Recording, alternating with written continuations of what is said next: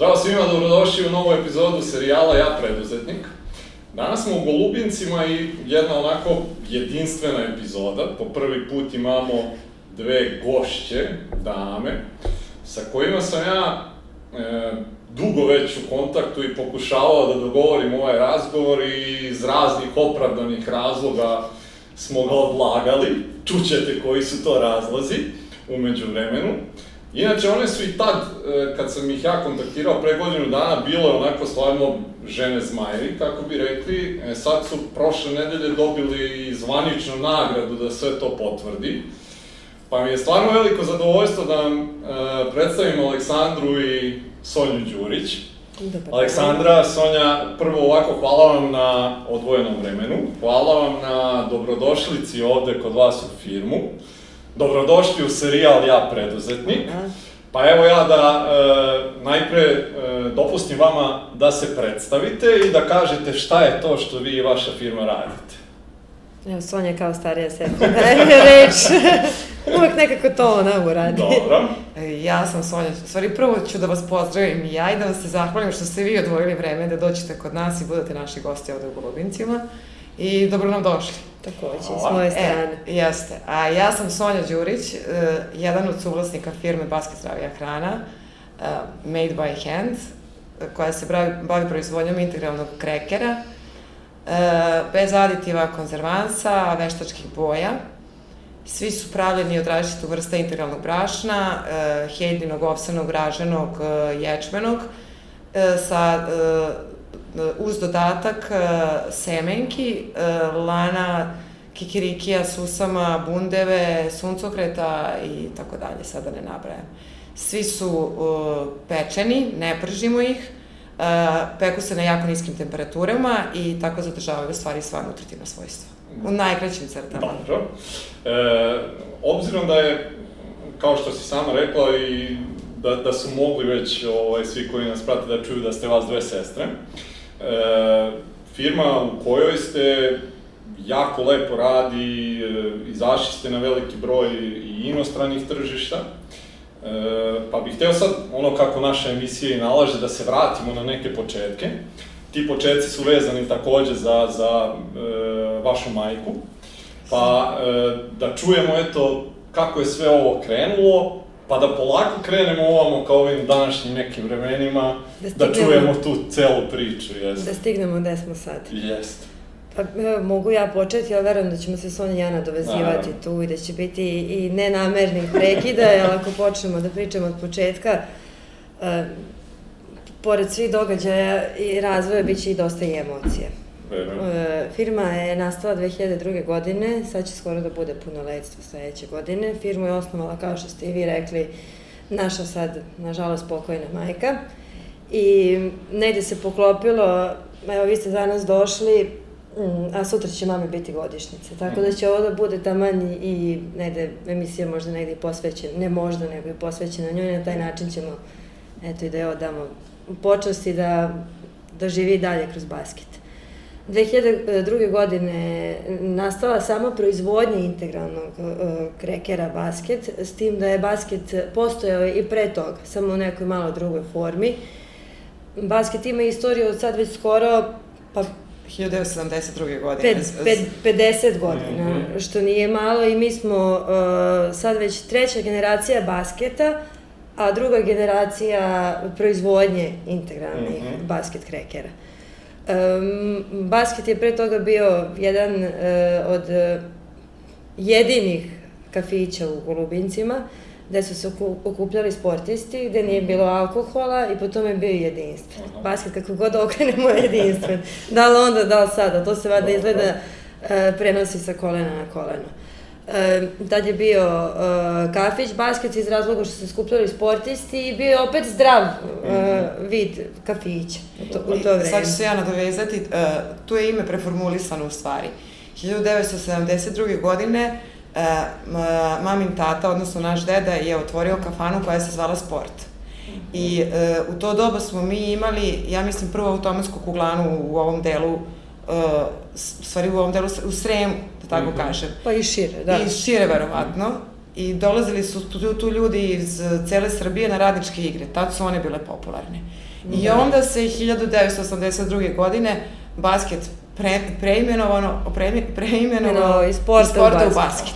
Ja su To je veza. zauzeli glavno mesto u kafiću. Yes. Mislim, to, zato, to smo ispričali, jer uglavnom svi pitaju zašto, Zašto basket. Iskreno i ja sam Mislim, planirao. da li je da basket, da, da li je basket korpa, ne, basket nije korpa, basket je ime uh, kafića iz 1970. Okej. 80. godine. Dobro. I te 2002. godine je mama odlučila da započne svoj biznis, tada je, do tada je mama bila domaćica, Mhm. jedina obaveza je bila da vodi računa o nama dvema, iako smo bila dobre, mislim, trebalo je neko da nas nadgleda, a prosto je takva i situacija bila uh, u, u kući i sticam životnih okolnosti koje na, naravno uvek dođu iznenada. Naši roditelji su se razveli i mama je rešila da počne da radi. Ja sad, ako mi dozvoljavaš, mogu da ispričam šta je bio kod e, mame najveći okidač. To i ona često ponavljala i jako je bila ljuta u tom momentu. I mi, mislim, sva deca imaju dugačak jezik, da kažemo, i što, i u stvari su iskrena. Jasno. Naravno i sa gomilom prohteva i mama mi bi ovo, mama mi bi ovo i u jednom momentu mama kaže pa ne mogu da vam kupim to, nemam para, Sonja kaže pa što ne uzmeš nešto, pa počneš da radiš. Aha. I to je mm, anegdota koju se sad često Da, i posle mama to jako dugo prisetimo, pričala. jer to je negde onako otvorila oči u tom momentu i rekla pa da, zašto već ne počela nešto da radim kad imamo dole taj kafić i posle stičanicu i tu su nastale prve perece koje su onda počela da se pakuju i tu kreće priča o, Mhm. O, o basketu. E, Sonja, ako sam dobro razumeo, znači vaša majka je sama to krenula sve da pravi ono, je li to bilo neka kućna varijanta ili... Jeste, to je, e, mama je to krenula da radi silom prilike, ja to uvek kažem. Mi smo u jednom momentu ostali bez dinara, E, ali bukvalno bez dinara, a do tada smo živeli prilično lepo, e, sve nam je bilo omogućeno, pruženo, i onda to sve u jednom trenutku nestane. I svima nam je bilo teško da se naviknemo na taj novi način života. Mhm. I imali smo taj kafić, kafe posle stičarnicu, međutim to su bile te 90. i prilično teško se živalo. I uh, mama je tada uh, nekoj komšinici pravila perece. Ćerka joj se udavala, neka veritba je bila i ona kaže, ajde ja ću da napravim perece. I u jednom momentu u našoj dnevnoj sobi gomila pereca. I kaže, mama, što ja ovo ne bi prodavala? Mhm. I mi kao, pa što ne bi prodavala? I tu se u mami probudio preduzetnički Čki duh, duh, jer ona a? nije čekala sad to da planira Ne. šest meseci, ona je ujutro Okej. to spakovala, otišla, ja se sećam, u Sremsku Mitrovicu u Zavod za... Za javno zdravlje, Za tada. javno zdravlje da se rade analiza, ostavila to za analizu, raspitala se gde se sad vrši preregistracija iz kafića u proizvodnju, našla ambalažu i krenula sama to da Mhm. nudi po Beogradu i da prodaje. Koliko vas dve u tom trenutku imate godina? Pa ja sam tada imala nekih 14 možda. Ne, vi, sad izvini, ne. Ja sam upisala fakultet, jel, mm, ta, ti si već bila na, na fakultetu, jel Mhm. uopšte se o tome nije pričalo. Jest, jest, jest, to se nije dešavalo, ništa Jest. te proizvodnje, Sonja je bila već Ja sam upisala treća, tada. treća godina psihologije, ja sam upisala Akademiju umetnosti u Novom Sadu. Znači, Mhm. uopšte nije bilo priča o hrani i o, i o proizvodnji. Ne, ne, nijedno. Mada, mama je, uh, dok smo mi bile male i uh, dok su ona i tata živjeli zajedno, stalno imala ideju da uh, se napravi neka proizvodnja. Mhm. I stalno je pričala, ajde da krenemo nešto da radimo, vidiš uh, uh, Kakvo je vreme. jako je teška situacija, da im ostavimo nešto što će moći da rade bez obzira Šta šta one jednog dana odluče da studiraju. Mhm. I e, stalno je ta negde priča postojala, ali je u tom momentu, nažalost, niko nije shvatao za ozbiljno. Mhm. Da. E, I onda je samo njoj verovatno nešto kliknulo u glavi Mhm. i jako se naljutila na mene što sam ja to ta, tako to rekla. Ali eto, dobro je. I Bože. stvarno je posle toga jako često ponavljala kako je to negde negde pomerilo iz, iz te situacije u kojoj smo, Mhm. u kojoj smo mi bili tada. Recite mi, e, u tom trenutku vi studirate, e, učestvujete li na bilo kakav način u Kako da ne? Na svaki proizvodnji? mogući način. Za svaki korak nas tri smo uvek funkcionisale kao jedan pravi tim. E, sve odluke su se donosile zajedno i mama je nas uvek posmatrala kao odrasle ljude. Nije sad bilo vi ste male, pa šta ja vas da pitam. Uglavnom smo se oko svega konsultovale i sve smo razmatrale zajedno i sve odluke smo donosile. I što se tiče tog posla, i u to vreme, iako smo bile mlade zajedno. Mhm. I Novi Sad je bio naša teritorija, moja Da. Sonjina. Mama je držala Beograd i jako smo volale da nosimo tu robu po Novom Sadu, jer naravno na taj način smo i mi zarađivale u to Mhm. vreme. Dobro. Tako da smo uključeni od samog početka bile u basket. I svaki novi proizvod, jer je mama pravila svaki, svaki proizvod je e, njena zasluga i receptura, ali smo ih mi jeli. Do besvesti, to se jelo, jelo. Jel dobro, jel dobro. Probaj sad, za dve nedelje probaj, za mesec dana probaj. Kako vam ide ta prodaja? Je vam to bilo nekako prirodno ili jednostavno niste imali izbora pa ono moraš hteo ne hteo? Pa, e, ja znam kako su bili početci, e, jer smo nas dve išle sa mamom kad je nudila peciva. Mhm. I tu je ona često nailazila na jako neprijatne situacije, tipa, e, ovi su došli sa sela i sad imaju ideju nešto da nam ponude. Napravila je kod sebe u kući i sad došla da nudi, da proda. Međutim, to našu mamu nijednog momenta nije obeshrabrilo. E, jeste kad ostanemo same, bilo nam je teško i stvarno smo se u, mnogo navrata osjećale i jako, e, e, jako bespomoćno u stvari.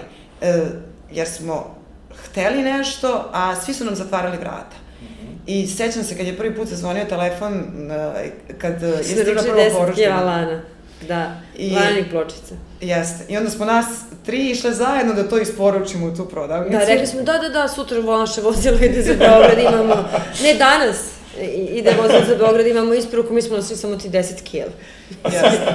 Ali smo odneli. E, to je, ja mislim, taj moment kod naše mame, što nije, e, nije bilo ništa teško i svakog kupca i svakog, svaku prodavnicu koja je naručila je kilogram, ona ih ispoštovala kao da su najveći Mhm. kupci. I mislim da je upravo to taj zdrav Da, da. razvoj koji je tekao ljudski i iskreno i da je zato donosio rezultate postepeno. Mhm. U nijednom momentu nije bilo bum sad da, da se desilo da smo na sva zvona odzvonili, Ne. nego je sve išlo korak po korak. Pa i dan danas se nastavilo tako. I mi smo tu prodaju u stvari učile od nje.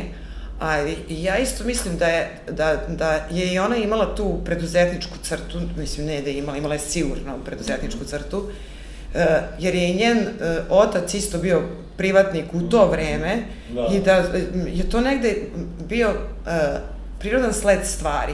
Samo što je mami trebalo malo duže vremena da to osvesti kod sebe, a mi smo tako odrastale Da. u, u, u takvoj atmosferi. Gde radno vreme ne postoji, gde se radi i ujutru, posle podne i subotom i nedeljom i zato nama, kad nas pitaju kako vam nije teško, pa nama je to normalno. Jeste. Mi smo u takvoj, u takvoj porodici odrasle. Mi nikad Nama- mamu nismo videle da spava, recimo, od 3 do 5. Ili ja svaki put Ne. kad se probudim ujutru ne već bila budna. Ne. Nju, to sad tako kad razmišljam, sad sam i ja mama, pa pomislim nekad ujutru, o bože, da ospavamo još 15 minuta, onda se setim nje da ja nju nikad nisam videla u pidžami. Kao da nikad nije spavala, nikad mi nije bilo jasno. Stalno se nešto radi, stalno se radilo. Kako uopšte imala snage, toliko nikad je ništa nije mrzela. Za, za vreme vašeg studiranja, je ona svo vreme tu e, pravi te proizvode sama ili dok vi studirate možda već zapošljava nekoga, kako to teče? E, pa tetka se priva, prva pridružila Aha, a, mami, pošto naravno i ona je iz te iste porodice Aha. preduzetničke, e, i još jedna žena. To je bilo To je za žena početak. koja je radila kod nas u kafiću, pravila sendvič u kafiću. Mama je onda išla tražila tržište, da kažemo, Mhm, a dobro. one su radile u toj jednoj improvizovanoj proizvodnji. I onda je to počelo polako da se širi i sećam se, ja sam baš išla sa mamom prvu peć. Kad smo hteli da kupimo, neću sad imenovati koja je firma u Nemoj, pitanju, Da. ali kad smo ušli, ubeđivali smo sve vreme da nama ne treba peć, da nama treba jedna bolja mikrotalasna. Da, i to je trajalo. I mi, mama, kažem, treba nam se 10 plehova, m, prosto treba, ali ne, gospođe, to vam je skupo i možda je bilo bolje neki šporet sa tri da uzmete ili tu neku jaču mikrotalasnu, ili može nije mikrotalasna, ali nešto tog tipa. Su mi na kraju rekli, pa dobro, ako nećete da prodati, otići ćemo na drugo mesto, pa ćemo kupiti. A što sam to ispričala, e, naša mama je delovala vrlo skromno i mnogi nisu verovali da vodi toliki posao i, i posle da ima toliku firmu.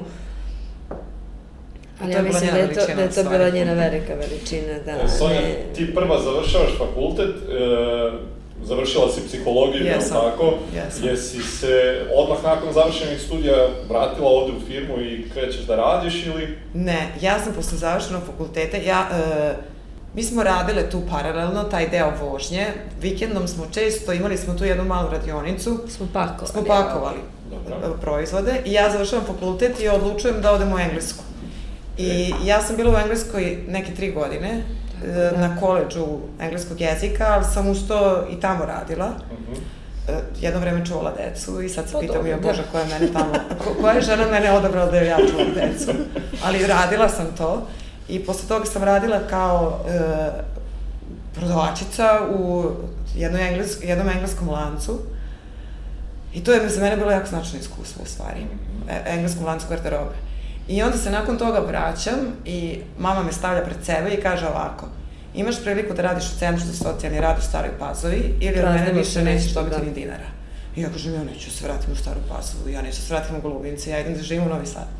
I kaže ona meni, e, ja ću ti davati pare za prevoz, ali ovu priliku ne smeš da propustiš i moraš da kreneš da radiš ako, ako misliš da od mene dobiješ džeparac. Ja tu jako ljuta, što su da na mene tera da ja idem da radim u Centar za socijalni rad, ja hoću da radim u firmi.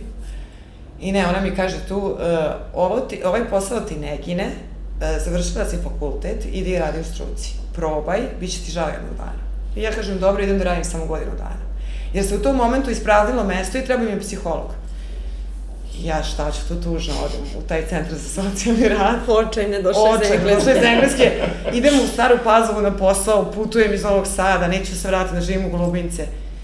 I ja se zadržim u tom centru tri godine. Usput ja završim uh, edukaciju za porodičnog terapeuta i sad sam ja tu se nešto i dvoumila. Da li da ja ostajem u centru, ne ostajem, posao počeo da se širi i u jednom momentu shvatim da uh, sam naučila sve što sam mogla u tom centru i da uh, ako hoću da napredujem, ja moram nešto drugo da radim. Nisam se mirila sa tom situacijom stagnacije, Mhm. jer sam prosto navikla nešto, nešto, nešto da mora da se dešava, da. I ja se sećam da sam rekla mami i ona se tu jako obratovala. Mhm. I onda mi je rekla da je ona samo čekala da u meni sazri ta odluka Dobro. i da me čeka i da se jako radi što ćemo krenuti da radimo zajedno. Aleksandro, ti nakon završenog fakulteta, ti si e, završila, je li tako, Akademiju, da, za to vreme dok ja studiram, Sonja radi u centru, ja završavam fakultet, Sonja se iz centra a, vraća u firmu. E sad ja nisam htjela da dođem u firmu, jer bože moj, sad njih dve rade, sad i ona je radila u struci, hoću ja, što sam ja završavala fakultet, sad da idem da radim opet u Glubinci, ja da se vraćam. I, mislim, to sad sve normalno sled događaja. Ja sam onda upisala mastera i master ko master. Nije oduzimam puno vremena i ja rešavam, pošto, kao što smo i rekli, odrasli smo u porodici u kojoj se radi, ja ću otvoriti svoju galeriju i svoju školu slikanja. Ne, sad ću ja sedim samo u ateljevu, nije mi to bilo toliko interesantno. I da stvar bude, ajde da kažem, još luđe, meni to počne dobro da radi. Ja sam u jednom momentu imala 100 đaka. Da. I ta škola je radila odlično i našla sam ja tu i pomoć neku i to je sve išlo super. I ta škola, evo, prošle godine je bilo 10 godina da je opstala da radi, ali opet e, sticajem okolnosti i svih situacija u životu koje ne možemo da očekujemo. Mama se razbolela, Sonja je ostala sama u firmi i meni je bilo najlogičnije da joj se pridružim i da budem tu zajedno sa njima. Koliko god mi je ono tamo bilo lepo i, i interesantno, znala sam da je ovo u stvari život. I da ono ne može da pobegne nigde, to je deo slikarstva, je deo mene, mm, to je tu pa je tu, a o, prosto sam znala da mi je mesto ovde. A posao mi nije bio stran, jer smo odrasli uz taj Da. posao. Naravno, bilo je tu nekih mm, stvari sa kojim sam trebala da se upoznam, jer na akademiji baš nisam učila ni o rabatima, ni o fakturama, ni o porezima i računja, računanjima i tako dalje, ali opet taj snalažljiv, mm, taj ta mogućnost da znamo da se snađemo u svakoj situaciji nam je pomogla i meni i, i Sonji. I 2015. godine sam ja mm, Zvanično zvanično počela da počela da radim i godinu dana smo Sonja, mama i ja zajedno bile svaki dan na, na ovom poslu, ovoj kancelariji i onda se 2016. godine u martu mama razbolala i tu kreće ozbiljna Borba. ozbiljna borba što se tiče i posla i života i sve te naše e, dečije igrarije, ludosti, hoću, neću, ja ne bi ovo, ja neću da zovem prodavnice, ja nisam išla na fakultet da bi ja sad zvala prodavnice da trebujem, da potpisujem fakture, da šaljem poštu, to se sad sve Prestaje da bude bitno. prestaje da bude bitno, posle e, počinje da bude deo života, što je Sonja rekla, jedne velike borbe. Jer mi tad u firmi nismo imali nikog sem nas tri, jer bilo je sa svim dovoljno. Nas dve imamo u kancelariji, tri radnika, pored proizvodnje, šta će nam ko više tu sad da nam, da nam nešto radi. E, onda se e, javlja potpuni obrt i onda kreće onako jedno sazrevanje i odrastanje. Preko noći. Da. E, Sonja, kako tebi izgleda taj povratak e, e, nakon eto, i engleski rada u ovaj, socijalnom centru tu, vraćaš se nazad u firmu, šta su ti tad neke obaveze, kako ti to sve sad izgleda kad, kad se ponovo nalaziš A to je bila avantura za mene i e, ja sam se svaki dan svađala sa mamom u tom, u tom periodu kad sam počela da radim. Jer sam ja stalno pokušavala da nađem svoje mesto. E, I šta ja sad da radim? Ja sam htela da radim, ali ja nisam imala predstavu šta to znači i u šta se ja u stvari upuštam. I jedna skroz nova teritorija, e, n- novi krug ljudi e, sa kojima dolazim u, u kontakt manje više svaki dan, e, učim da komuniciram na drugačiji način, e, a povrh svega, borim se, to je, to, to je u stvari unutrašnja borba bila. Šta ja sad ovde da radim? Ja sam psiholog, sad sam ja prebacila sebe u taj film, ja sam psiholog, šta ću ja sad u jednoj proizvodnji? I šta ću ja da radim? Mama vodi računa o proizvodnji, prodaja ide pa ide, kako ću ja? I trebalo je meni jedno, e, godinu dana, sigurno, da ja prestajem da dajem otkaze svaki dan, jer to je stvarno tako izgledalo. I, Da zove ona mene, ja više ne mogu, ja ću dati otkaz, onda zove mama, pošto ja studiram, ja ne znam više šta sa Sonjom da radim, ona, ili će da radi ili neće, ja stvarno ne znam kako da mu pomogam. Jer sve to meni je bilo jako teško, gomila novih termina, e, nepoznavanje tržišta, e, jedna nepoznanica, eto. E, Ja sam imala samo jaku želju, ali nisam znala šta išta od toga znači. I kad sam ja tu analizirala tih godinu dana situaciju, e, e, ja dođem do ideje, e, pa ja bih mogla da pravim ambalažu. I to je u stvari bila moja prva ideja. Sandra je to prihvatila obe ručke. I onda je trebalo ubediti mamu. Da se sad to prodaje na neki drugačiji način. Jeste, jer smo mi zaživeli u, u rinfuznom obliku po prodavnicama zdrave hrane. Aha. I to tržište smo osvojili. Više nije bilo prodavnice zdrave hrane gde ne postoje naši proizvodi. I sad je trebalo uraditi nešto drugo. I dođemo mi na ideju da pravimo ambalažu i mama prihvati da se ta ambalaža napravi, međutim, kaže, tu ambalažu mora da napravi A Sandra. sad jako slikar. koliko Ona je slikar. Meni to sve bilo, ja sam opet znala šta bi, ali sad Sonja, mama i ja treba sad uklopiti, ja napravim jedno, jednoj se ne sviđa, drugi se sviđa. Pomeri ovo levo, pomeri ovo desno. Ajde, može da stavimo ovde mašnu, na primjer. Mislim, Ne, to je bila igra bez trajao, ali smo na kraju uspele i ovo je bila naša prva ambalaža. Ovako I, izgleda. I mi ulistamo tu ambalažu Univer Export prvo. I na aerodrom. I na aerodrom, jes, Da, u, u da. free shopu listamo.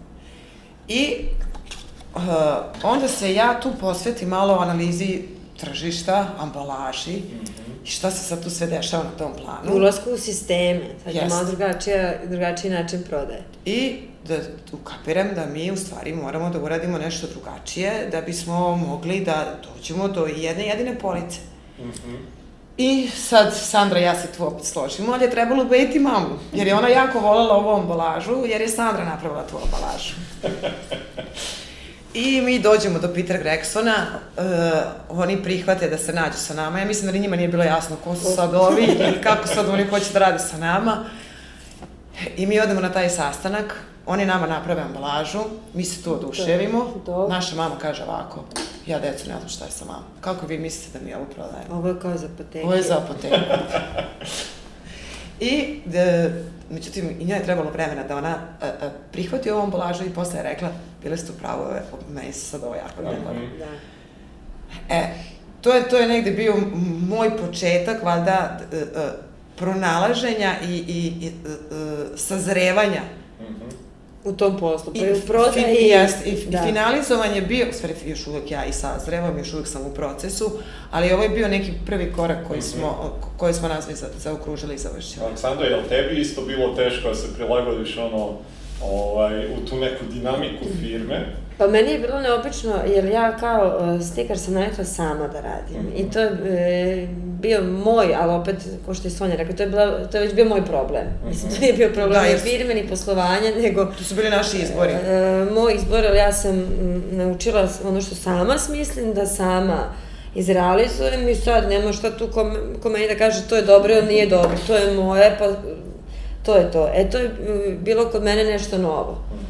Sa čim sam morala da se izborim, ali sam posle shvatila da i to nije loše, da opet možeš da uradiš sam, pa da ubediš ljude da im se to svidi. Mhm. Ili da nađeš način da im, se, da, da, da im to prodaš Da, i... E, Sonja, malo pre e, si rekla da si shvatila da treba da uradiš i istraživanje tržišta ovaj, za proizvode i sve to. I sad me zanima, obzirom da nisi školovana za to, je li to došlo od nekoga da ti je rekao da bi to trebalo da uradiš? Kako si uopšte shvatila da je tako nešto potrebno? E, Nije mi niko rekao, nego sam posmatrala šta se dešava oko mene i šta rade, šta rade brendovi koji su uh, meni zapali za oko i koji su mi se dopali. I da, išla sam po prodavnicama, a, pos, ali ja sam stvarno posmatrala Da. ambalažu. I pratili smo gledala. instikte, ja mislim da je to, da, Seka? pratili smo instikte. Jest, Mhm. jest. O posjećaju smo išli, Mhm. mnogo toga smo radili po osjećaju. Nijednog momenta niko, ne, niko nam to nije predložio kao opciju, nego sam ja imala potrebu, to što sad ne bi da se ponavljam, da nađem svoje mesto i da krenem da radim nešto korisno i ja za ovu firmu. Mhm. I mama je često znala da kaže, e, mene je sve ovo preraslo. I ako hoć, hoćete da budete u sistemima, to, Izvolite. to vas dve Da. e, preuzmite i vas dve idete na sastanak. I Da. mene je samo poslala na sastanak Univer Expert. Ja nikad to neću zaboraviti. E, to mi je bio jedan Ja od većih, se- e, e, jedna od stresnih situacija u, u, u životu. univer, a moj prvi sastanak je bio u Deleuze, ja sam mislila da će se udaviti u tom momentu. Ja sam sad ona nešto priča, priča se, šta ću je reći, ja sam sjeda, ja kažem, i onda se ja sastala. To je bio moj, moj prvi, mislim, i znala kako izgleda sastanak, naročito u tako velikom sistemu. Okej. Mislim, ko je bio na sastanku, možeš se setiti sad kako je to Ne. izgledalo. Ali, preživeli smo, Kako naučili ste, dosta toga, e, da. vas dve ste shvatile same da bi trebalo da idete i da Yes. mijenjate ambalažu i da ovaj, Da. idete u, u te veće sisteme. E sad, i ovo što si ti rekla kad dođeš na, na tako nešto prvi put, pa tu postoji onako i nelagoda i strah i I svašta. čitava delegacija preko puta neiskustvo, tebe. da. A ti I, sam. I neiskustvo. Ni, Da. Ja sad nisam znala da im objasnim, nego prosto nova situacija, njih pet ispred tebe, ti sad, i sve što bi rekao u momentu, Kako je Dobro. završio taj sastanak sa dobro, progutala sam ja udahnula Dobro. i videla da bi bilo glupo da sad padnem u nesvest, mislim da bi uopšte bilo posla. A To Univer je bilo Export, korisno. Jo, pa ja, ja se sećam, to je bilo jako strašno. Ja znam, ja sam mamu molila da ide sa mnom, ona je rekla, ne, ne, meni ne pada na pamet, to je bila tvoja ideja, izvoli, idi. I ja dođem, isto me tako sačeka delegacija s jedne strane, njih troje, ja kažem delegacija, nije to delegacija, ali, Ali bude ih tebi je više. ličilo na delegaciju ja sama, momentu. Niti znam šta to znači da pričamo o komercijalnim uslovima, marketinškim uslovima, Logističkim Logist-. Logistika. Sećam se da su mi pitali ambulantno snabdevanje ili Kapilarno. kapilarno ili nemam pojma. I onda sam sećam se beležila sve te reči koje, koje bih čula na tim sastancima, dolazila kući i Učila. to sam radila. Ja, ja, I naravno da sam ja posle došla u dodir i sa stručnom literaturom. Mhm. Ali e, ti prvi sastanci su bili Uh, uh, jedna, ali ja, što sam nekad pogledam, to su bile, to su bila korisna iskustva u stvari. Jer uh, ja nisam znala šta me čeka, ali opet sam dobila priliku da svoje ranije iskustvo iskoristim u novoj Da. situaciji Mhm. i da isplivam. Ja sam ulistala proizvode. Ja sam zato i otišla. Da. E sad, samo ja znam kako sam se osjećala, ali sam ja uspela da ulistam proizvode. I svuda smo sami zakucali na vrat. I uspeli smo sami bez ikakve veze, bez ičijih leđa, da kažemo. I, I na aerodromu i u DM-u smo se jako brzo pojavili i sa istom tom ambalažom. Jeste. Prvo. Bez tog nekog velikog iskustva, ali mm, zdravom pameti i, i željom i, i, i čitanjem i smo uspeli. Kad kažeš čitanjem, šta je to što ste u tom trenutku čitali? To- Prodaja. Dobro. prodaja, nov, nov proizvod na tržištu, kako ga Mhm. osvojiti, kako upoznati potrošače sa nečim novim, na kojim način im prići. Mhm. I sve te neke, e, sve te neke situacije za koje, u kojima nismo bili, ali smo prosto nekom logikom znali da se to u prodaji dešava. Treba da organizujemo promociju, treba da nađemo promot, prvo smo mi vodile Agenciju, računa o da, tome. pa posle agencija Pa za posle to. agencije, ali prvo smo mi organizovale promocije, vodile promoterke. To su sve bile stvari koje smo, eto, kažem, učile dok smo radile. Mhm. Koliko vas u tom trenutku ima u firmi uopšte sve zajedno? Pa ja sad ne mogu da se setim. U, u proizvodnji se e, broj zaposlenih povećavao, a mi Pa smo nas je bilo bili- tri u kancelariji i u proizvodnji možda 12, i imali smo na terenu, 13. imali smo da. na terenu i jednu devojku koja je radila komercijal. Da, da. Mhm. I dobro vozača. E sada u proizvodnji ja sam zaboravila koliko Pa je tako je bilo. Dobro, okvirno me Da. čisto zanima broj, ovaj, da možemo i da napravimo usporedbu kasnije sa, sa nekim Da. kakav ste i rast imali i sve. Da. Zanima me sad ovaj, e, pitanje je za obe. E, šta je to što ste morali da menjate kod sebe u tim nekim trenucima? Neka možda osobina ili da je promenite ili da steknete neku novu, Mhm. što je jako bilo važno u tom momentu. Jo, ima ih dosta. Da, jako puno stvari, da ćutimo. E, da ćutimo, a isto tako da kažemo. Mislim, Da. to i, i, i kao deca smo učeni svi da mm, se trudimo da ne povredimo drugi. Ne sad u smislu da ću ja sad vas izvređati. Mislim, Mhm. daleko od toga. Ali da kažemo u svakom momentu Da pazimo kako se drugi osjećaju u našem prisustvu. da prestanemo da pazimo. E, Mislim, što- i onda smo morali da naučimo da prestanemo da pazimo. Dobro. Jer Da. e, to je bilo jako teško, jer smo nailazile na, na, na raz- razne komentare, čisto i uvrede sa druge strane, i onda smo se pitale, pa što mi tu grešimo kad ljudi dozvole nama da kažu takve, takve stvari. Mhm.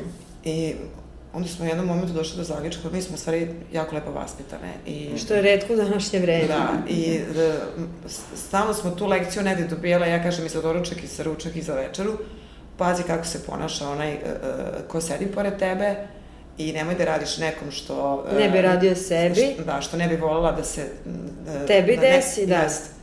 A to baš u poslovnom svijetu nije. to u poslovnom nije pametno. Ne, ne, to...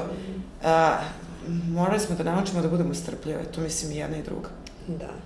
Da ne ide ništa preko noći, da ništa ne dobijamo, Jeste. nego da sve moramo da... Mhm. Do duše što smo naučeni od pre, ali naravno kad, kad sam baš moraš sve, onda dok se ne navikneš na to, bude ti teško. I neodgovornost. Dok je mama bila živa, odgovornost je bila na njoj. Ja smo nas dve radile i, i bila u tom poslu od samog početka, ali nekako sva odgovornost je ipak bila na njoj. Mhm. E, kad e, mama više nije ovde, e, onda je ta odgovornost bila isključivo na mene i Sonji. I nama je trebalo vremena da naučimo da živimo sa tim. Znala smo mi da je odgovornost na nama, ali je trebalo i prihvatiti to i naučiti sa tim svakodnevno i da ustaješ i da ležeš, da nema više niko ko će nešto rešiti umesto tebe. Mhm. Jel e, ta porodična dinamika, vas tri ste tu, i sad to ima i dobrih i loših strana. da. Da. Šta su bile neke dobre, a šta su bile neke loše? Aha, Pa, Pa dobro vlada, a loše u dobrom. Pa, otprilike, da. Pa, e, bilo je e, jednostavno raditi jer smo negde porodične vrednosti mi prebacile u stvari i na, na vrednosti same firme. Firme, da. To je dobra strana. A mešanje uloga je u stvari, ja mislim, najveći problem i da se to dešava u svakoj porodičnoj firmi. Mhm. E, Mama, sestra, Starija, starija mlađa. mlađa. Mhm. E, to je negde otežavajuća okolnost. Ali n- i to je dinamika koja se vremenom uh, prevaziđe i negde se Izjednači se prihvate sve. te nove uloge. Mhm. Ili I makar se delimično se I shvati se prihvate. to kao olakšanje. Mhm. Ja Jeste. mislim da Sonja misli kao i ja, da je meni mnogo lakše da radim sa njom, nego da sad tamo imam nekog drugog s kojim sedim, pa se mislim da li da mu kažem, da, da mu ne, ne kažem, kažem. ili Mhm.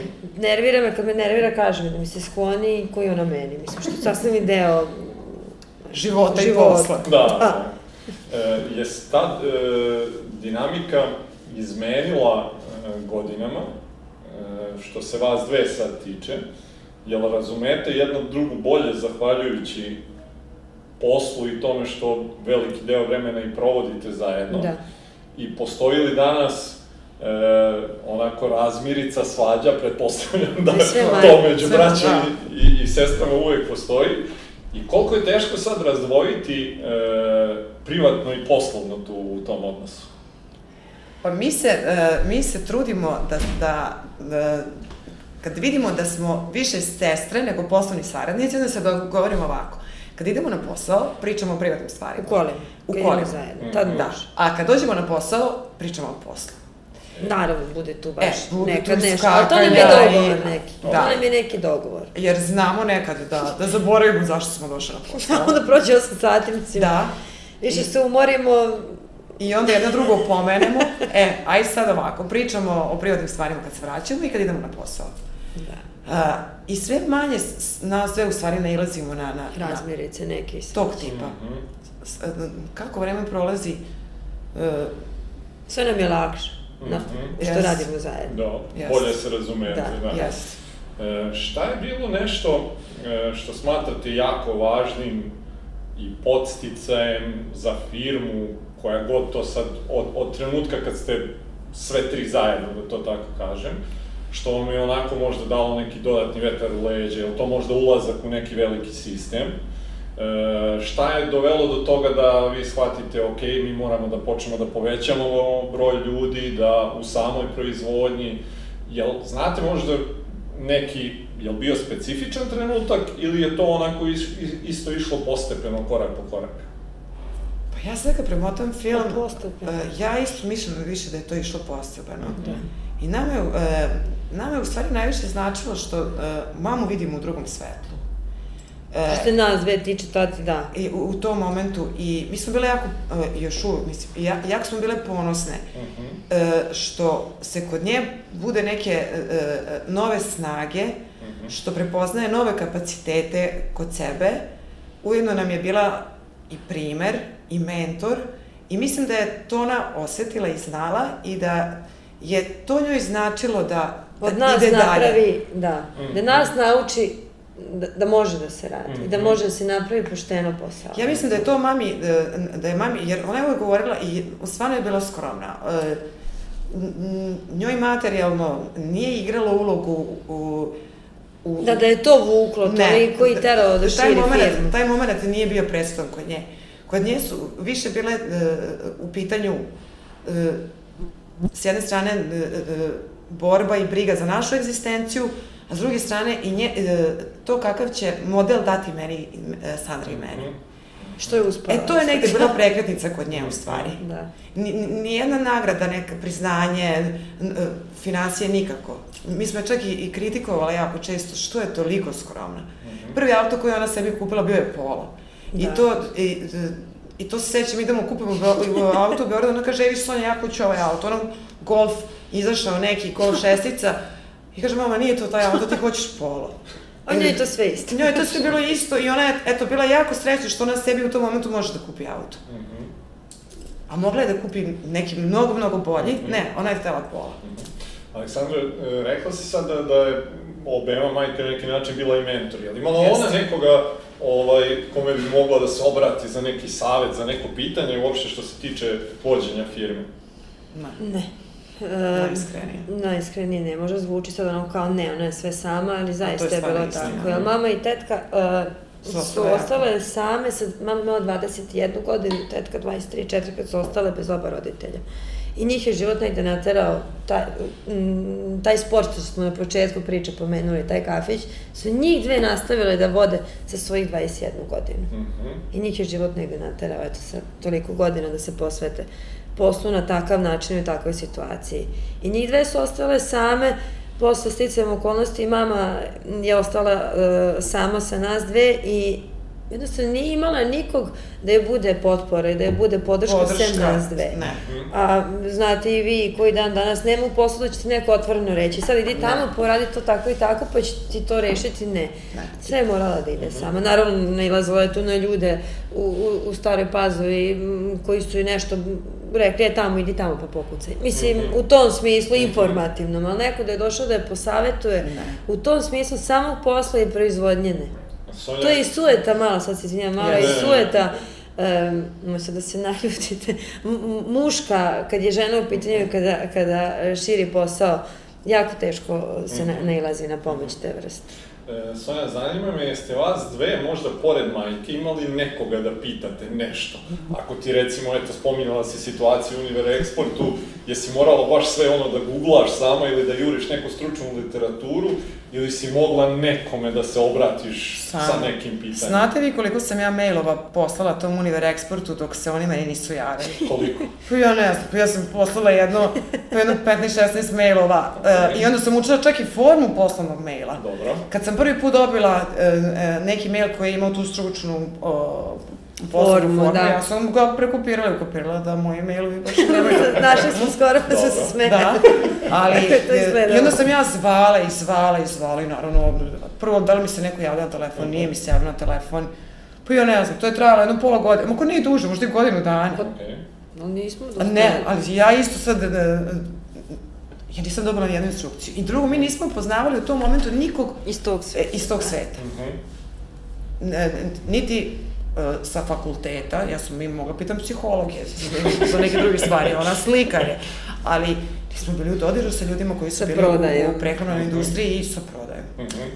E, jako važna lekcija, generalno ovo sad što ste rekli, da, da e, mislim da, da mladi, preduzetničkim sad govorim godinama, kad pokušaju da kontaktiraju, bilo da je to neki veliki sistem ili mali, napišu jedan mail, vidi nije mi odgovorio i tu I se to- priča Ne, završava. ja nisam odustajala, ne, to nije bilo šanse.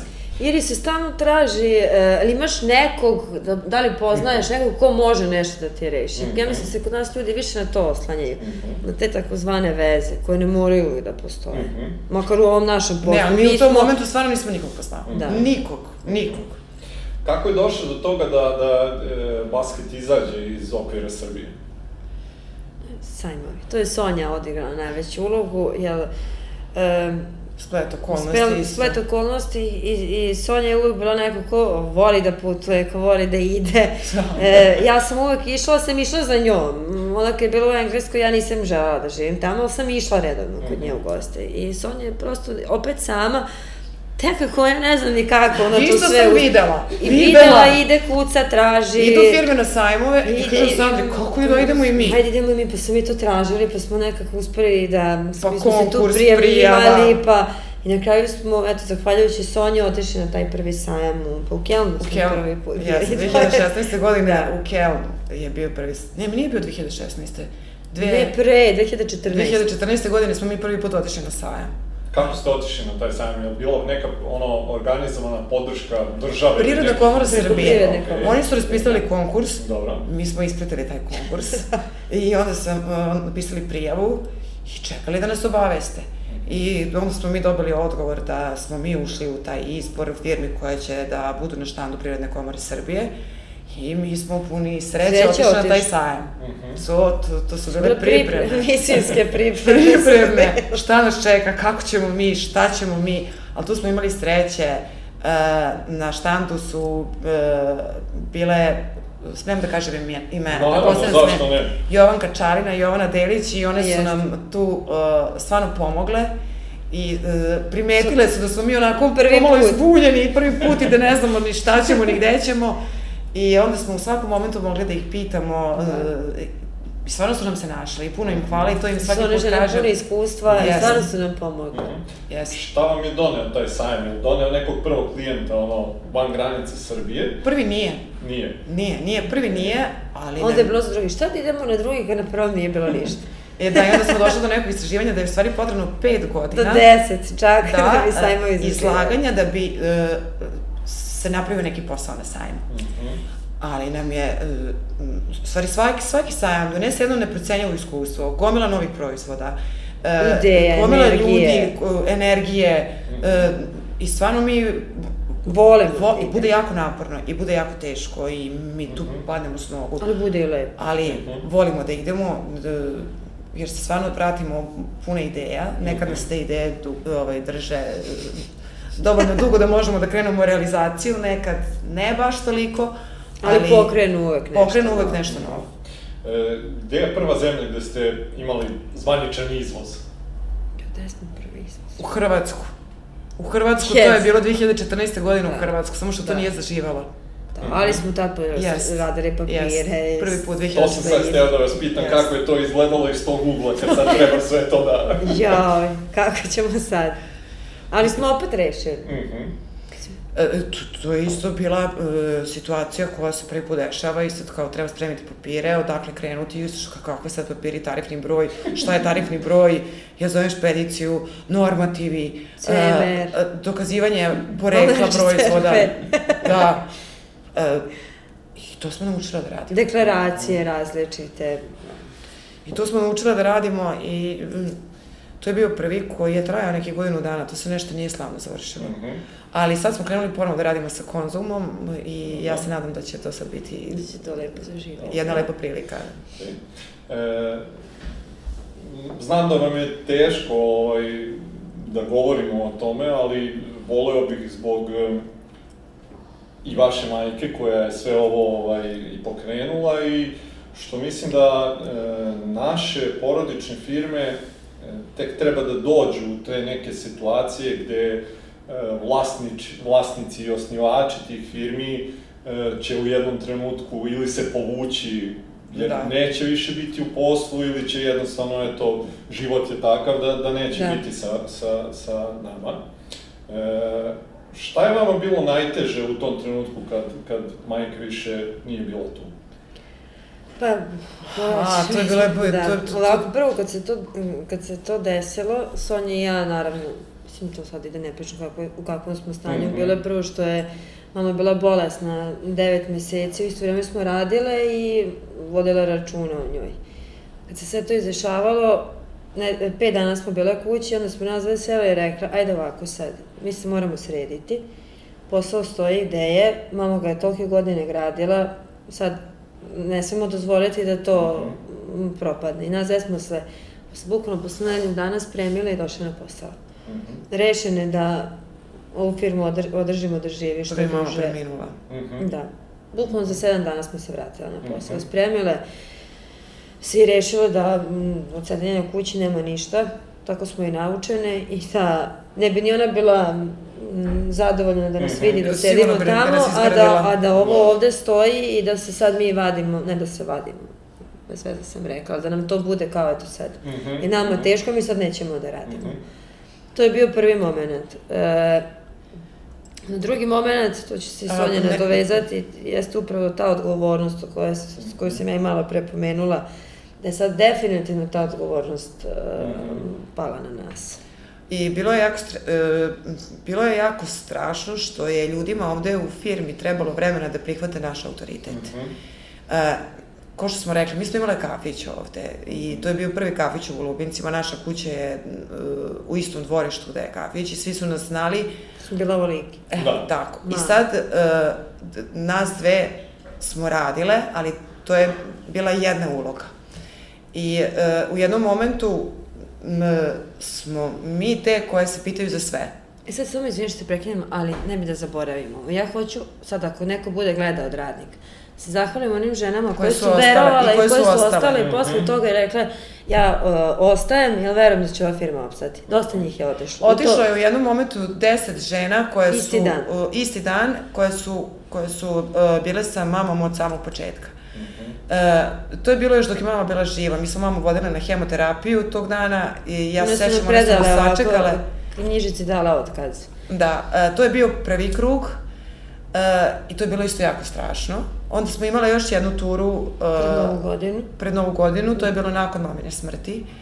Isto je otišlo njih jedno 5-6. Da tako da se ja zahvaljujem I ja im ovim ženama zahvaljujem, koje su tu. Koje su Nema stvarno, ih puno, one su tu. A, ali one će zna, one, te žene će znati. Znati, da. Mm Se o njima radi. Da se o njima radi, to je nama jako značilo. A isto tako hvala i ovim novima koje su verovale da firma neće propasti i što su rešile da dođu da rade. Da rade kod nas. Mm -hmm. E, e, to je bilo s jedne strane jako teško da oni prihvate naš autoritet, a s druge strane e, bilo je e, dosta ljudi koji su e, negdje izgubili poverenje u basket onog momenta kad mame više nije bilo. Mhm. I to je za mene i Sandru e, bilo prilično bolno. E, recimo, dešavalo se, mi kasimo jedan dan sa, sa plaćanjem, nas zovu da nam kažu dok je uz pridiku... slava bila živa, to se nikad nije dešavalo. Da. Mhm. E, m, I dosta njih je o, prestalo da sarađuje sa nama. Mhm. E, onda smo posle mi bile u situaciji da kažemo, e, e, mi više više nećemo. nećemo, isplatimo to što je bilo, e sad nećemo imenovati, e, sad zovu.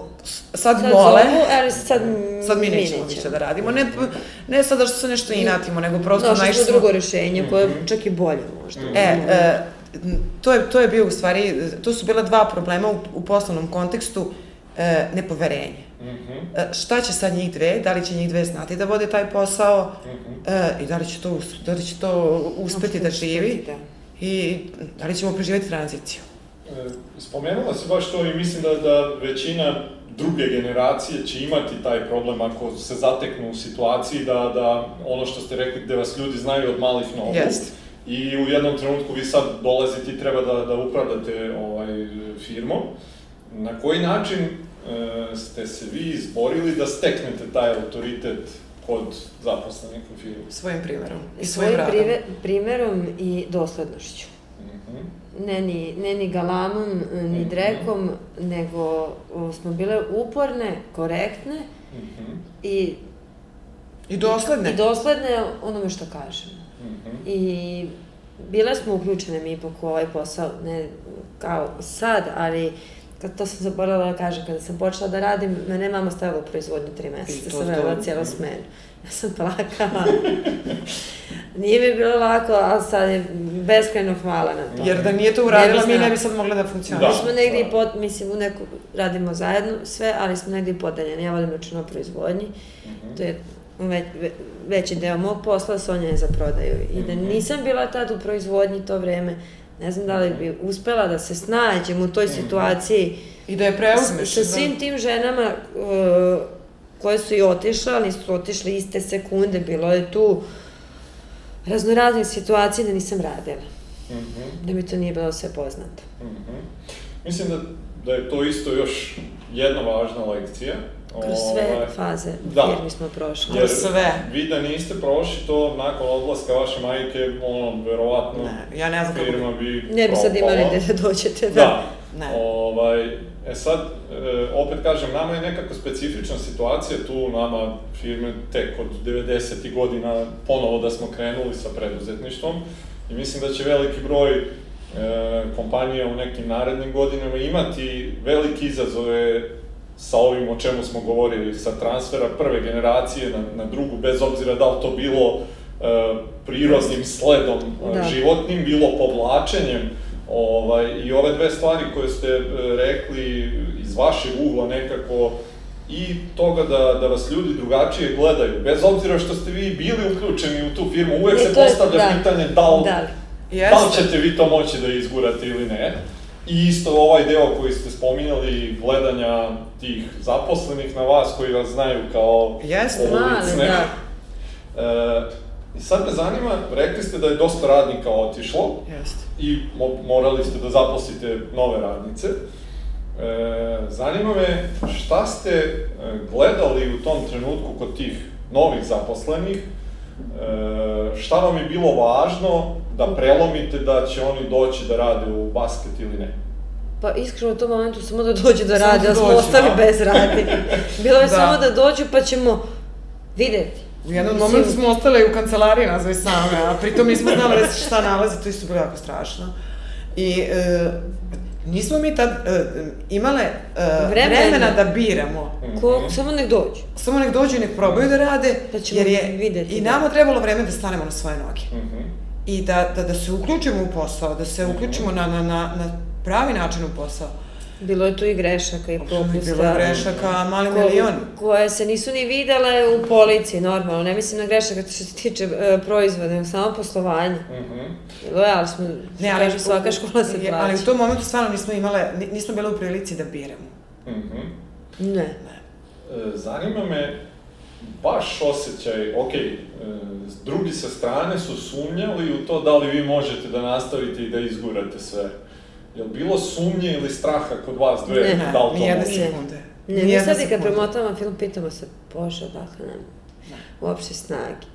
Ni jedne sekunde. Ne. Ja, ja kažem, e, mi smo stalno govorili, mi smo mamine čerke. Mi ne možemo biti drugačije i... E, To nisu uopšte postavljalo ne, pitanje, ali jedne sekunde, možemo. da li ćemo nas dve moći. Mi se nismo čak ni Onda smo plašile. se čak šalilo da nama uzrečica Sonja, mi moramo. Sandra, mi moramo. Znači, to nam je bilo jedno godinu dana, mi moramo i mi moramo. I mi moramo, i mi moramo, da. Stvarno se nismo ni jedne sekunde plašili. Bilo je jako teško i još uvek je teško. I d, postoji taj teret negde, e, svi znaju da je ovo naša mama osnovala. Mhm. I, e, ovo je malo mesto. I nekad imam utisak da su sve oči uprte u nas i da svi samo čekaju da, da, da, da čuju, evo ih propala su. Mhm. Gotovo, neće moći. Ali kod nas to ne postoji u glavi. Jel nema pritiska tog spoljašnjeg? Ne, Ne, mi se zatvorimo ovde, ne, ne mi ni ne živimo ovde, to je verovatno negde i olakšavajuća okolnost, Mhm. ali prosto na, na, naučile smo da ne obraćamo pažnju na, na, na, te priče. Je li to nešto prirodno uh, u vama dvema kao neka karakterna vaša crta ili ste morali da naučite to? Pa to da, da vas ne dotiče Da. to sa strane? Ja mislim da je to prirodno, jer kažem, taj kafić tu, da- koji je bio u našoj kući i svi ti ljudi koji su dolazili tu, e, mi smo morale Da naučimo... da, da ne obraćamo pažnju. pažnju. Mi smo, i- izađemo iz kuće, svi su tu. Mi se vratimo, svi, Svi su tu. Mhm. Tako da, Pozdrav za sve njih. ali dobro, više nemamo. To je dovoljno, da. Ali to jeste tako bilo.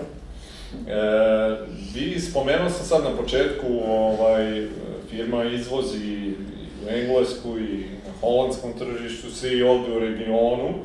E, šta se promenilo recimo u načinu poslovanja firme od trenutka kad Mike nije više sa vama i kad sad obratite pažnju na zadnje te dve ili tri, Tri godine, godine, da. poslovanja, šta je to što se u firmi među vremenu promenilo, što ste možda unapredili ili neke stvari da ste Da. prestali da radite kako ste radili ranije?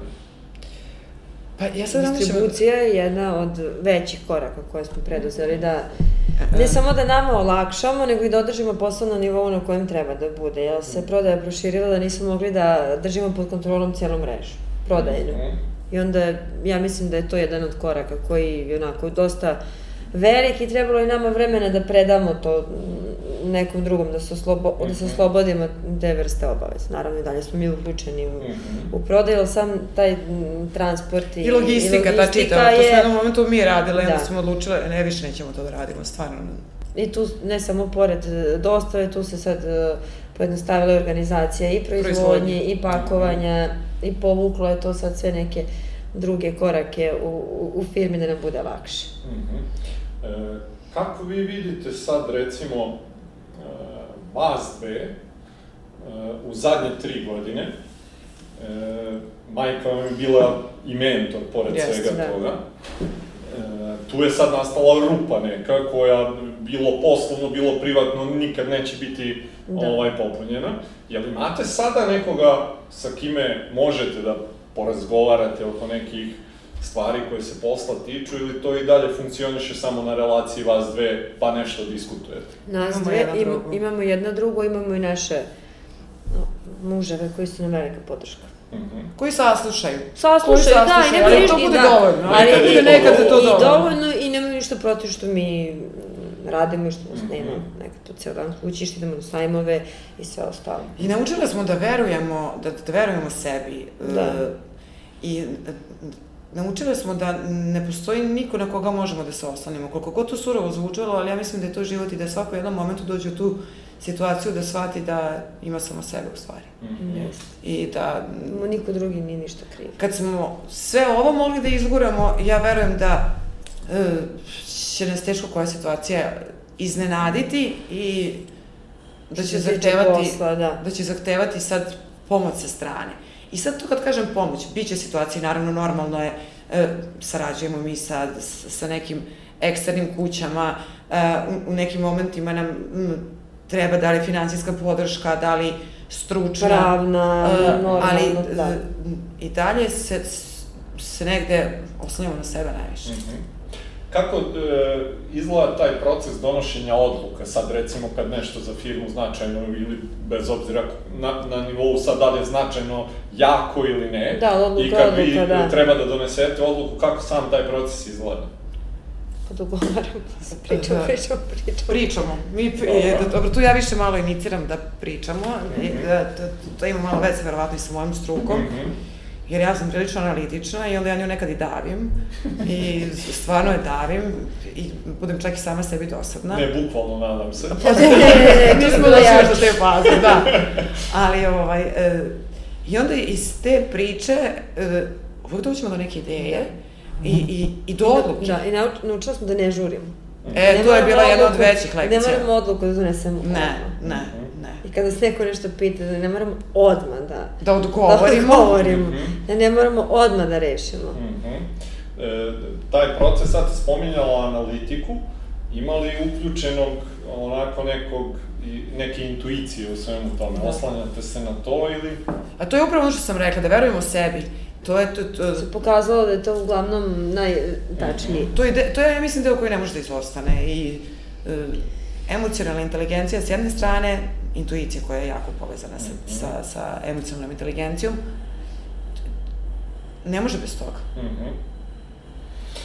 Spomenuo sam na početku ovaj, e, žene zmajeve, jel tako? Pa bih htio da se na kratko dotaknemo i, i, i toga. E, prošle nedelje, jel tako, Jeste. ste dobili jednu e, značajnu nagradu koje dodeljuje ovde Udruženje poslovnih žena Srbije. Pa e, da kažete par reči uopšte kako ta nagrada izgleda iz vaše perspektive, koliko je vama ona značajna. E, mi smo dobili specijalno priznanje za razvoj porodičnog biznisa. I e, nama je ta nagrada m, posebno bitna i ona upravo ima veze sa, sa ovim razgovorom koji smo vodili malo pre. E, u Srbiji postoji svega 20% firme koje su uspele da prežive tranziciju i da dospiju u ruke druge generacije. 3%, n- neki procenat 3% je u rukama treće generacije. I porodične firme nemaju neku bogatu tradiciju u Srbiji. I iz tog razloga je nama ova nagrada posebno draga. E, I pored toga što mi znamo da smo mi negde uspele da prevazićemo tranziciju, jer ovo je četvrta godina kako Da, vodimo firmu biti. same, e, lepo je dobiti i priznanje za to. A jako nam je drago što smo sad imali priliku to sve da ispričamo. Mhm. Jeste. Mislim, to nas ne znamo i to znaju ljudi ovde iz okruženja, ali malo ko zna Da, šta da. je... Pa iskreno, ja mislim da, da e, mali broj ljudi e, zna o bilo kojoj firmi, ne samo Jeste. o, o vašoj. Mislim da, Da. jedna e, od ideja koja stoji iza pokretanja ovog serijala je upravo to, da ljudi čuju da voditi najpre firmu, osnovati ili e, stvoriti bilo šta je jako zahtevno, jako teško, Jeste. e, te neke sve vaše Da. borbe koje ste imali e, sa strane se ne vide. I ne samo vaše, nego I bilo još uvek koga. ih imamo. I ima Još uvek ih svakodnevno ima, ih ima. Još uvek ih Izazovi, ima. izazovi, izazovi, da. Ali ovo je opet i neki način da vi te neke izazove koje ste imali, koje ste rešili, podelite sa drugima i da njima budu značajne. Jer ono što smo razgovarali, e, ni vaša majka nije imala koga da pita, vi isto manje više niste imali, Mada sad generalno kad pogledamo postoji malo, radi se na tom nekom sistemu mentorstva i baš i udruženje poslovnih žena Srbije ima nešto tako slično. I mislim da, da to ide u nekom dobrom smeru, ali mislim da su ovakve životne priče baš važne iz tog razloga da neko ko razmišlja da se upusti u porodični ili bilo kakav drugi Da. biznis, shvati kakvi ga sve izazovi očekuju. Ja sad evo, ako bi pitao vas dve, e, pre nego što ste ušli u sve ovo, kako vam je to delovalo sa strane dok je majka vaša radila, a koliko je to verovatno bilo totalno neka druga slika kad ste vi same ušle unutra, da, Da, to tako... delovalo mnogo Skoro lakše. drugačija perspektiva, Mhm. skoro drugačija Da, perspektiva. ovo je vrlo jednostavno, napravi se, spakuje se, prodaje. Da. I to je to, šta i to je sad to, tu ima da. da bude komplikovano, Da, tako i to je to. E sad bih se dotakao još jedne stvari koje, ono, za, za pogotovo dame koje nas prate, rekao sam da, da već jako dugo smo pokušavali da dogovorimo ovaj razgovor i da iz opravdanih razloga nismo bili u mogućnosti. E, vas dve ste se ovaj, nedavno obe, jel tako, i, i porodile. obe direktorke su bili na porodilskom. obe direktorke da. na porodilskom. I sad, zanima me iz vašeg ugla koliko je teško bilo e, biti u drugom stanju, sada dobiti bebu, brinuti o svemu tome i plus biti aktivan. E, zanima me ovako, evo ovako pitanje, koliko svaka od vas je bila uključena u sam posao za vreme trudnoće i koliko brzo ste se nakon porođaja samog vratile ovde u firmu? Evo, Šti mogu ja prva sam se prvo porodila. da. Ja mogu samo napraviti razliku, ja imam dete od šest godina okay. i kad sam bila trudna sa Iskrom, tad sam bila samo trudna. Mm -hmm. I tad sam imala svoju galeriju i mamu i sve je bilo mnogo lakše. E sad kad sam ostala trudna, radila sam do punog osmog meseca, vozila sam se kolima svaki dan iz Novog Sada do Golubinaca i onda sam imala dva pokretača, normalno sam posao da opstane i da ovde se bude kako treba, a isto sam tako htela da budem uzor svoje iskri, koja je tad već, ajde, pet godina, da zna da žena kad je trudna da nije bolesna. Što ja mislim da je kod nas u, u, u Srbiji malo iskrivljeno. Naravno, ako neko ima kritičnu trudnoću da mora da, drugo, to je da vodi računa i da leže, ako se žena dobro osjeća po meni, ne sad zato što sam ja to uradila i Sonja, a mislim da je mnogo bolje i za samu ženu i za, mm, za njeno fizičko stanje da bude u pokretu i da se kreće. To su bila moja dva motiva, a kad sam se porodila, onda sam imala treći motiv, da se brzo vratim, jer kad sam se ja porodila, Sonja je tad bila u četvrtom, četvrtom mesecu trudnoće i znala sam da ne može ona sad biti sama, dok sam ja bila trudna, ona je vozila mene. I bila mi je e, velika podrška i olakšanje. E sad kad je ona trudna sa stomakom, ne mogu ja sad sed kući da ona ide da vozi kola sama i da ovde rešava sve sama. Ja sam prvi put na posao došla posle 20 dana. E, to je bio kraj godine i trebalo je sad to sve finalizirati, te sastanke obaviti, završni uraditi. I ja sam posle 20 dana krenula na posao. Onda su bili praznici, Nova godina, Božić, i ja sam već u januaru počela svaki dan da idem da na posao. I, ni, I hoću da kažem da se nisam osjećala kao loša mama zbog toga uopšte. Mhm. -huh. Jer ima dete i tatu. Znači mhm. nisam mama odgovorna za dete od jutra do sutra. Uh mhm. Ima i mamu, ima i organizacija dobra. Našli smo ženu koja mi je pomagala i to prođe. Ja sam moje dete upisala sa nepunih 8 meseci u jaslice i ne mislim da sam loša mama zbog toga uopšte i mislim da sam opet primer svojoj starijoj e, čerki da mama ne mora da bude rob kuće. Niti rob dece što ne vidim... I da je to jedina uloga Da je to jedina uloga i da ja budem nezadovoljna. Mi kad dođemo svi kući u četiri, pola, pet, mi smo svi zadovoljni. Mm -hmm. Ok, bude dana kad smo premoreni, bude dana kad smo... Kad nam se plače. I to yes. se mi rekla, i, i iskri isto kad se plače, kad dođe četvrtići isplače, si meni se plače sto puta, isplačemo se ako treba i, i, i posvađamo se, ali e, nisam htela da dozvolim da bude ko što je se mama trudila da bude nama pravi mentor i uzor, sad ja to prepoznajem kod sebe, ja neću da dozvolim da jednog dana bude tako mhm. kenkava, jer to ništa neće dobro doneti. Sonja, kod tebe? A ja sam radila do četvrtka, a u ponedjak smo ostali u bolnici. da. to je baš bilo tako. Ja nisam čak otvorila ni, ni uh, bolovanje, onda je to bilo na frku kad sam ostala u bolnici. I... Morali smo bez nje da otvaramo bolovanje. Bez nje, jer ja sam se kao, jer dobro, do duše ja sam se mesec dana ranije porodila, ali stvarno je bilo uče. Zato sam išla na sastanak, u petak smo bile na poslu i u ponedjak sam ja ostala u bolnici. Uh, ja sam se vratila na posao, a meni treba malo duže vremena posle jedno mesec i po dana. Pa dobro, prva beba. Da, mesec i po dana sam ja krenula da dolazim na posao, uh, ali ne puno radno vreme, na šest, na četiri sata, pet sati, i sad sam skoro svaki dan na posao. Mm -hmm. Mislim, moja beba ima da, juče pet meseci. Tako da, isto sam, sam bila u situaciji da se organizujem kako znam i umem i da se oporavim što pre mogu. A druga stvar, nisam ni ja tip koji može sedi kod kuće, se ne lažem. ja sam isto koji Sandra što je rekla, navikla da se obučemo i da izađemo iz kuće i da se... Misliš da, da kažem neke, da čekam da odem do da posla. radim. da, da, stvarno. I negde se ja dobro osjećam i ne bi se ponavljam, mislim da, da ne činim ništa loše ni sebi, ni svom Naravno. detetu. Da. E, Zanima me taj odnos, spomenula si, ja mislim ti Aleksandra već, ovaj, što se tiče žene kao vlasnika biznisa. E, kako izgleda danas? Jel osjećate nekad da vas posmatraju malo drugačije u odnosu na neke muške kolege? Da. Postoji li i dalje nekih predrasuda, i ako Da. postoji, ako uporedite to sa nekim vremenom pre, jel to malo ide na bolje ili na gore? Pa ja mislim da je to kako kad. Mhm. Da zavisi na koga naiđeš. Mhm. Mislim, ima Jest. e, kolega koji su skroz korektni, koji uopšte nije bitno, da li Mhm. si ti muško ili žensko, opet s druge strane ima kome je to bitno i da to nikad neće biti rešeno do kraja. Mislim, da Mhm. zavisi od žena, da zavisi od muškarca. Mhm. I od samog poslovanja. Jer bude e, jednako neprijatnih situacija i sa ženama i sa muškarcima. Da. Čak E, nekad više i sa ženama Da, no, no jeste. u poslu. Mhm. Da malo ženska svojeta. Mhm. Da, nekad odigra ulogu. A da je lakše, ja mislim, muškarcima jest.